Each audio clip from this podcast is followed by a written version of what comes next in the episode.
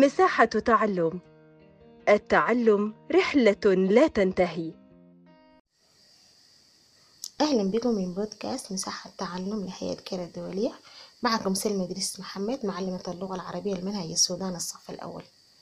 لسه يا أحباب مواصلين في دروس حروف الهجاء وقلنا يا أحباب بنتعلم حروف الهجاء من الألف إلى الياء عشان نتعلم كيف نكون كلمة.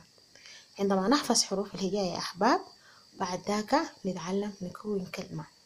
وبعد ما نكون كلمة يا أحباب بنكون جملة. طيب الليلة يا أحباب عايزين ناخد حرف جديد من حروف الجميلة أو من الحروف الأبجدية التابعة للغة العربية. حرفنا الليلة يا أحباب هو حرف الجيم. قلنا يا أحباب أي حرف في اللغة العربية لديه شكل ونطق ومفهوم. الليلة يا أحباب عايزين نعرف شكل حرف الجيم. شكل حرف الجيم خط أفقي من فوق بيبدأ من الشمال وانت ماشي إلى اليمين تنزل تحت تعمل دائرة من اليمين إلى الشمال وتنزل تاني لتحت وإنت ماري من الشمال إلى اليمين مرة تانية.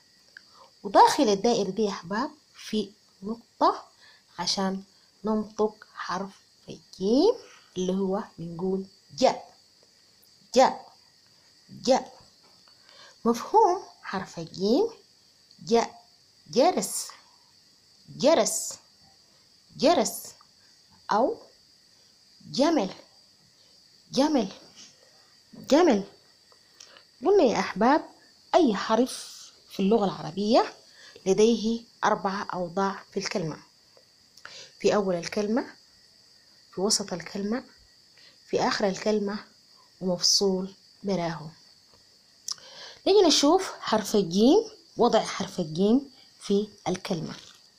في أول الكلمة مثال جبل جبل جبل.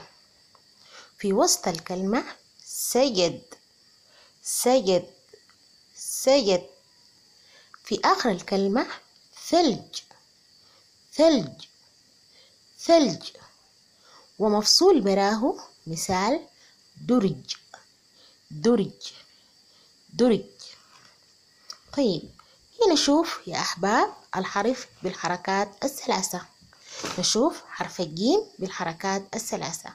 وقلنا الحركات الثلاثة هي الفتحة الكسرة الضمة. نشوف حرف الجيم بالحركات الثلاثة.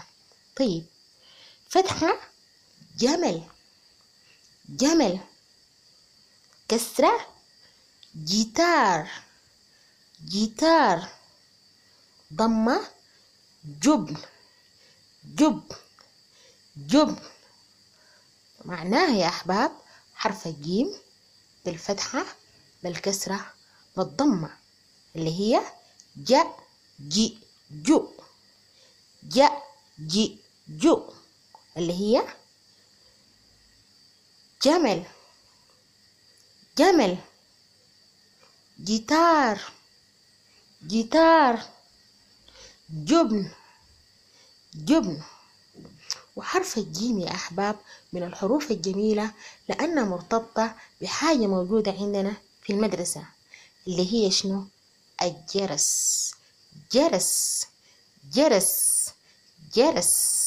وإن شاء الله يكون يا أحباب استفدتوا من درسنا وإن شاء الله مواصلين في دروس قادمة إن شاء الله وبالتوفيق.